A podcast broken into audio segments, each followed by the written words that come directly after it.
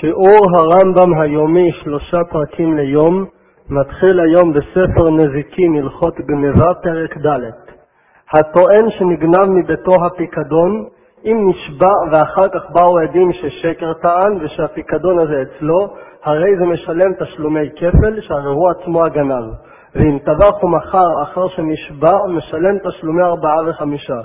שומר שאומר שגנבו לו את החפץ שהוא צריך לשמור עליו ונשבע על זה, ואחר כך באו עדים שהחפץ אצלו בבית, זאת אומרת שהוא עצמו גנב אותו, והוא משלם כפל, ואם הוא טבח או מכר, הוא משלם ארבעה וחמישה, ואינו מביא אשם על פי עדים על שבועתו. קורבן אשם על שבועת שקר הוא מביא רק אם הוא מעצמו הודה, ואינו מביא חומש. אם הוא עצמו הודה בשבועת שקר, אז הוא משלם קרן, חומש, חמישית ואשם. אבל אם זה על פי עדים, אז הוא משלם כפל. ואינו מביא חומש שאין החומש משתלם עם הכפל, ואם באו העדים קודם שיישבע, אינו משלם אלא הקרן בלבד. אם העדים הגיעו לפני השבוע, הוא משלם רק קרן. ב. במה דברים אמורים שנשבע קודם ששלח בפיקדון יד, אבל אם שלח בו יד וטען טענת גנב ונשבע או באו עדים, פטור מן הכפל, שכיוון ששלח יד נתחייב בו וקנהו. ברגע שהשומר משתמש בחפץ שהוא קיבל עליו לשמור, זה נהיה שלו, והוא חייב לשלם את הכסף. אז אם הוא נשבע אחרי שהוא השתמש בחפץ, הוא פטור מן הכפל. ג.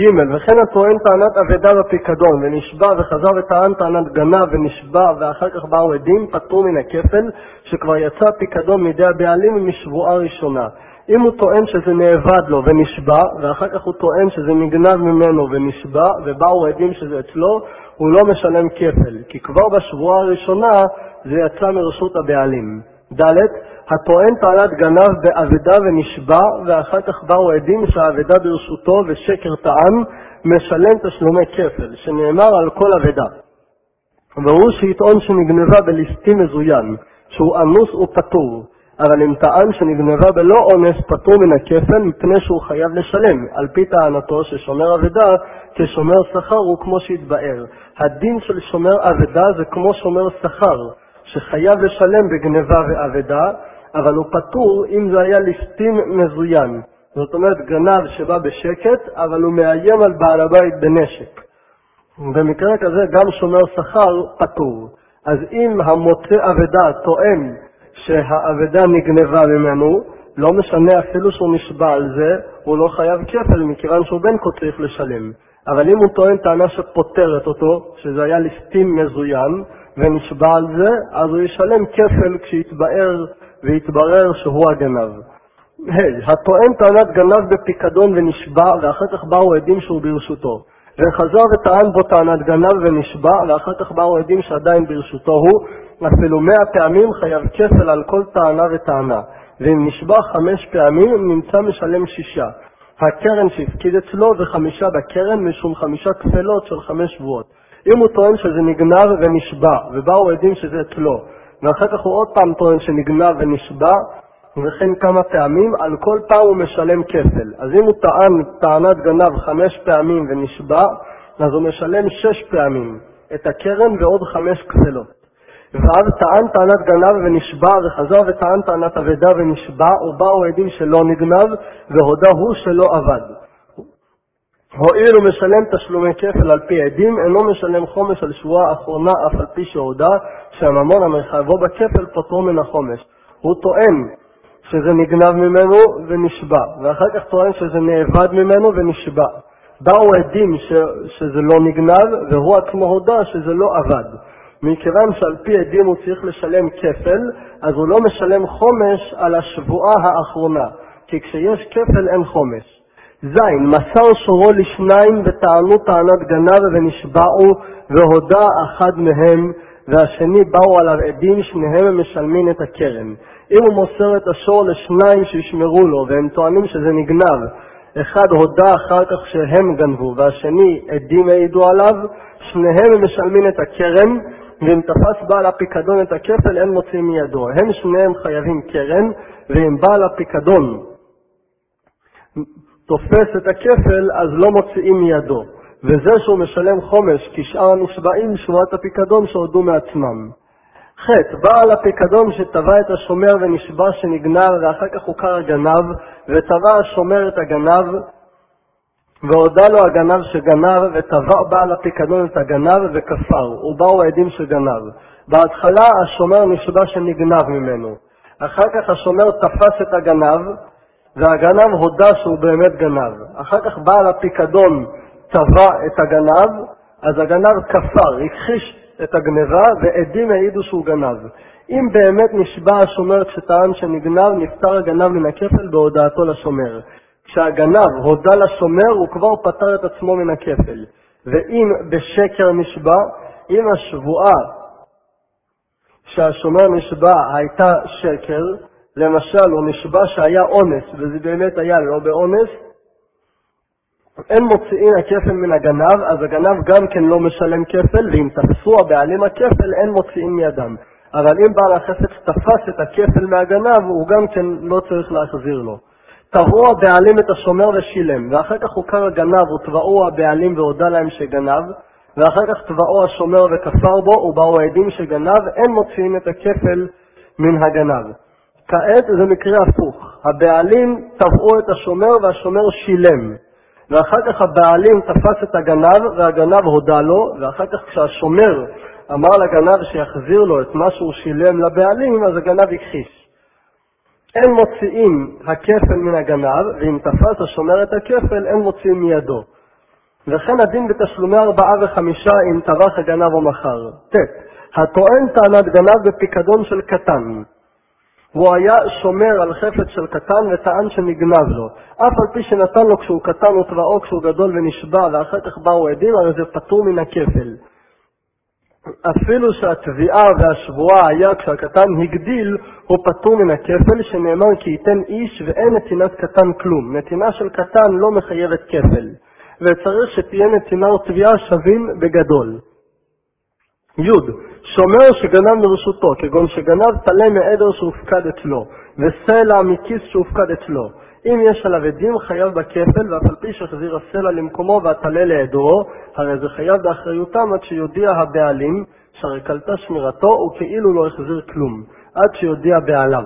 אבל הגונב סלע מכיס חברו או כלי מביתו והחזיר דבר הגנוב מביתו למקומו, אם ידעו הבעלים בגנבתו ולא ידעו בחזירתו, עדיין הגנב חייב באחריותו עד שימנה את מעותיו.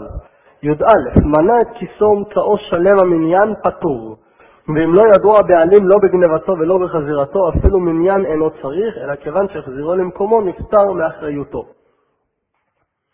י"ב, במה דברים אמורים בדבר שאין בו רוח חיים, שאז כשהוא מחזיר אותו, אם הבעלים לא ידעו על הגניבה, הוא לא צריך להודיע להם. אבל הגונב טלה מעדר חברו וידעו בו הבעלים והחזירו לעדר שלא מדעת הבעלים ומת או נגנב, חייב באחריותו. אם הוא גנב בעל חי ובעל הגניבה ידע שנגנב לו, ואחר כך הוא החזיר בלי להודיע לו, וזה מת או נגנב, אז הוא חייב לשלם לו.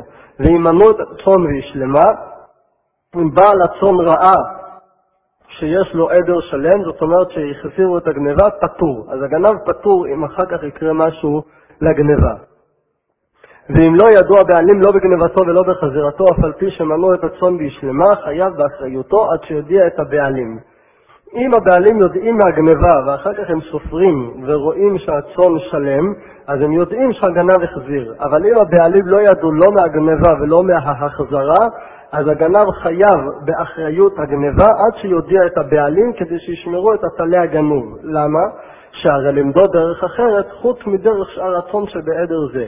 ברגע שהגנב גנב את הטלה, הוא לימד אותו לצאת לרשות הבעלים. אז הוא צריך להודיע לבעלים שמעכשיו ישמרו על הטלה הזה טוב, כי הטלה הזה כבר למד לברוח.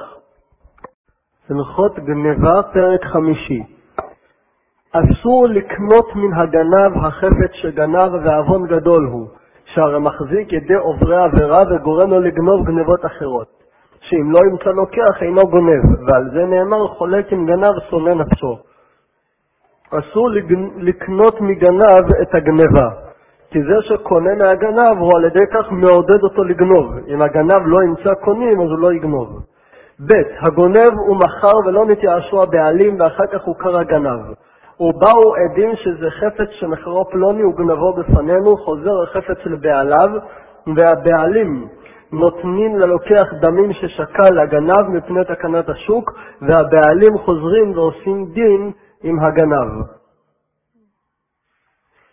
בן אדם שגנב חפץ ומכר והבעלים עוד לא התייאשו, ואחר כך יש עדים שזה החפץ הנגנב, הוא צריך להחזיר לבעלים את החפץ, והבעלים ישלמו ללוקח את הכסף. זו תקנה מיוחדת של חכמים, כי אחרת אנשים פשוט לא היו קונים דברים.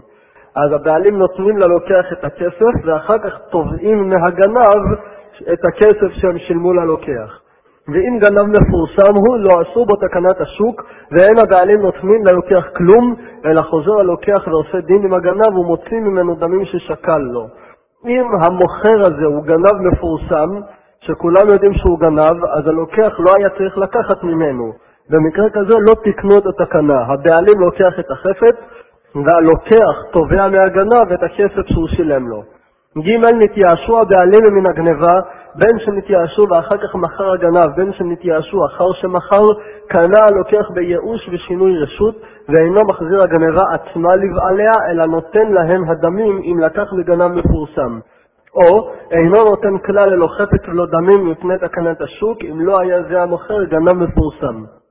אם הבעלים התייאשו, אז הלוקח זכה בחפץ, בכך שהיה ייאוש ושינוי רשות, ואז אם הוא קנה מגנב מפורסם, הוא נותן לבעלים את הכסף, ואם זה גנב לא מפורסם, אז הוא לא נותן לבעלים שום דבר, לא את הכסף ולא את החפץ. ד', בזמן שהלוקח עושה דין עם בעל הבית, אם אין עדים בכמה לקח, הרי התגר נשבע בנקיטת חפץ בכמה לקח ונותן מן הבעלים. וכל הנשבע ונוטל שבועתו מדבריהם, ונשבע בנקיטת חפץ כמו שהתבאר במקומו. כשהלוקח צריך להחזיר לבעל את החפץ ולקבל ממנו את הכסף, אם אין עדים כמה כסף הוא שילם, הוא נשבע שבועה מדרבנן, שהוא שילם כך וכך, וזה הבעלים ישלמו לו. ה' hey, בזמן שהלוקח עושה דין עם הגנב, והוא אומר בכך וכך לקחתי ממך, והוא אומר לא לקחתי, לא מכרתי לך, אלא בפחות מזה. התגר נשבע בנקיטת חפץ ונותן מן הגנב, שאין הגנב יכול להישבע מפני שהוא חשוד על השבועה. אם יש ויכוח בין הלוקח לגנב, הלוקח אומר שילמתי לך כך וכך, הגנב אומר שילמת לי כך וכך, הלוקח נשבע על מה שהוא אומר ולוקח מהגנב, כי לגנב לא נותנים להישבע, הוא חשוד להישבע לשקר. ו. גנב ופרה בחובו, גנב ופרה בהיקפו, אין בזה תקנת השוק, אלא הבעלים נוטלים הגנבה בלא דמים, ויישאר חוב אלו על הגנב כשהיה.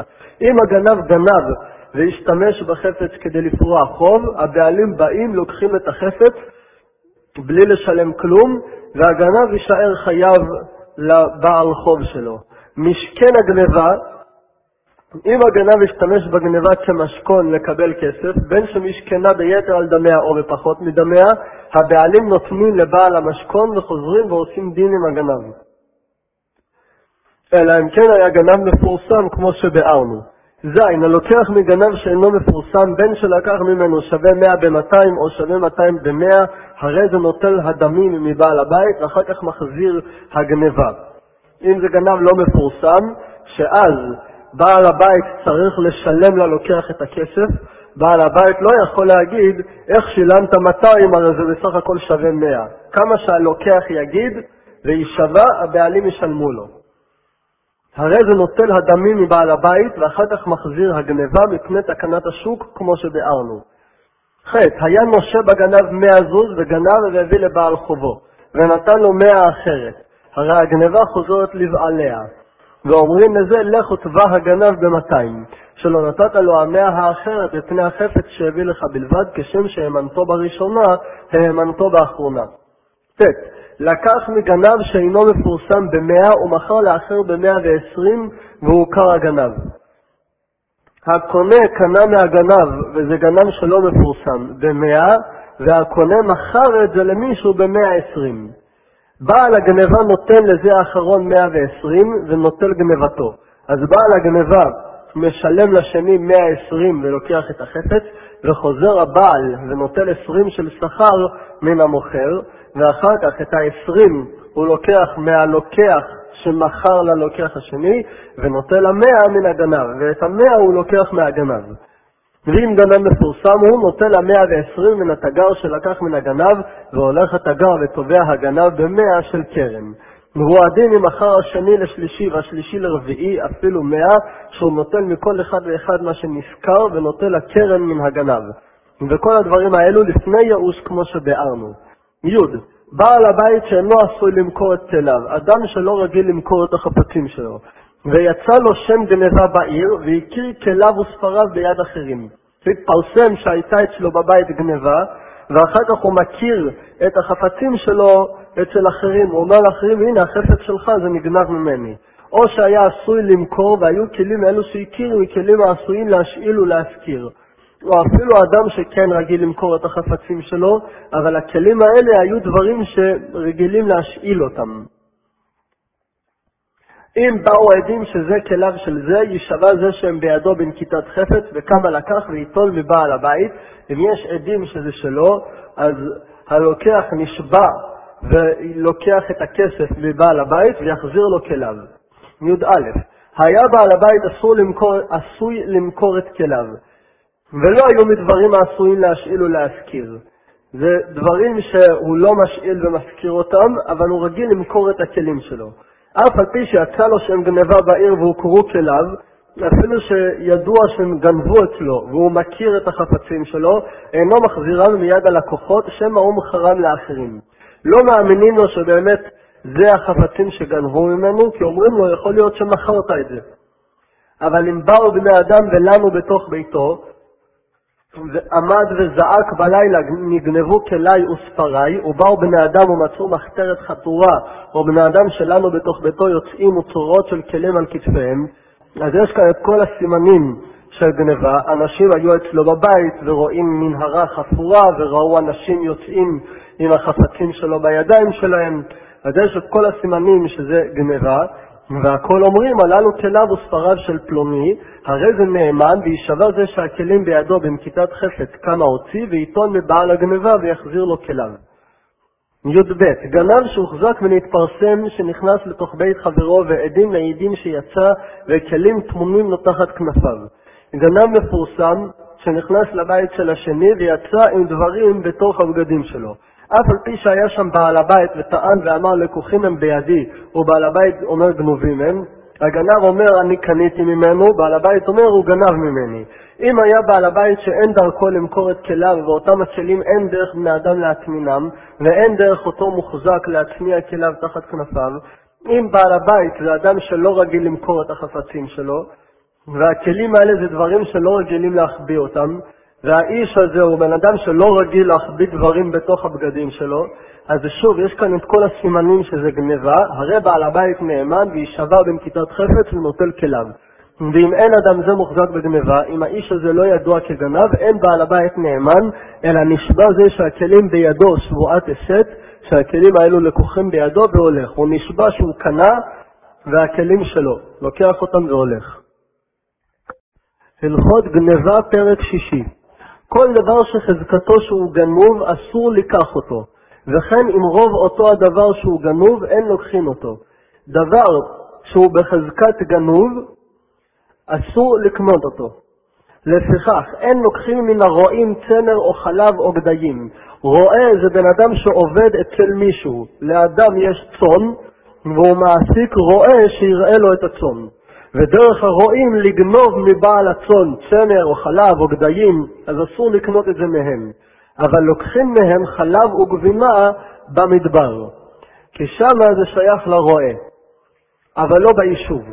ומותר לקח מן הרועים ארבע צאן או ארבע גיזות של צמר מעדר קטן או חמש מעדר גדול, שאין חזקתו שהוא גנוב בדבר זה. הרועים גונבים קצת, לא גונבים כמות גדולה, כדי שבעל הצאן לא ירגיש. לכן מעדר קטן מותר לקנות ארבע צאן או ארבע גיזות צמר, או חמש מעדר גדול, כי זה כבר כמות גדולה שלא רגילים לגנוב כזה כמות. ב. כללו של דבר, כל שהרועה מוכרו. אם היה בעל הבית מרגיש בו, מותר ללוקחו מן הרועה. דבר כזה, כשבעל הבית מרגיש בו, מותר לקנות מהרועה, ואם אין בעל הבית מרגיש בו, אסור ללוקחו.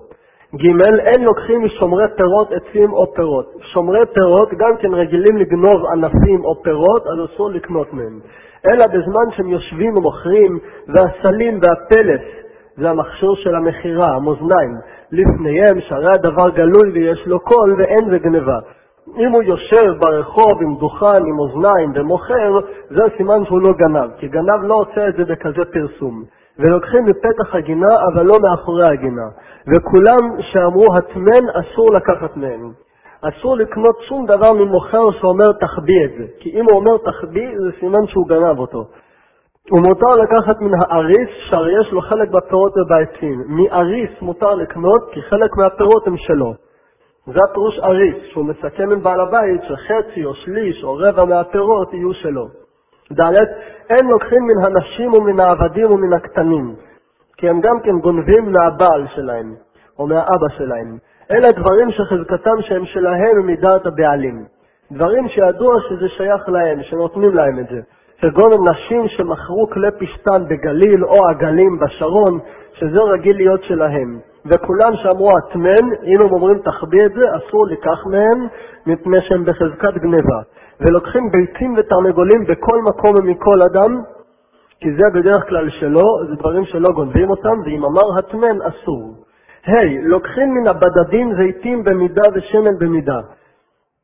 מאלה שעובדים בבית הבד מותר לקנות מהם זיתים ושמן בכמות גדולה, אבל לא זיתים מועטים ולא שמן מועט, בכמות קטנה אסור שחזקתו גנבה הם, וכן כל כיוצא בהם. ו. מוכין חתיכות צמר שהכובס מוציא, שהכובס מוציא מהבגדים, הרי אלו שלו, ושהסורק מוציא, שזה חתיכות גדולות, הרי אלו של בעל הבית. הכובס נוטל שלושה חוטים והם שלו, אם הוא הוציא שלושה חוטים זה שייך לו. יותר מכן של בעל הבית. אם היה שחור על גבי לבן, הוא נוטל הכל והם שלו. ז. החייט ששייר מן החוט כדי משיכת מחט. חייט שהשאיר קצת מהחוט, או מהבגד הוא השאיר, ושייר מן הבגד מטלית שהיא שלוש אצבעות על שלוש אצבעות, חייב להחזירה לבעלים. פחות מכאן, שלא. ח. מסורת שהחרש שהנגר מוציא במעצד, שלו. בקשיל, שזה כבר חתיכות גדולות, של בעל הבית.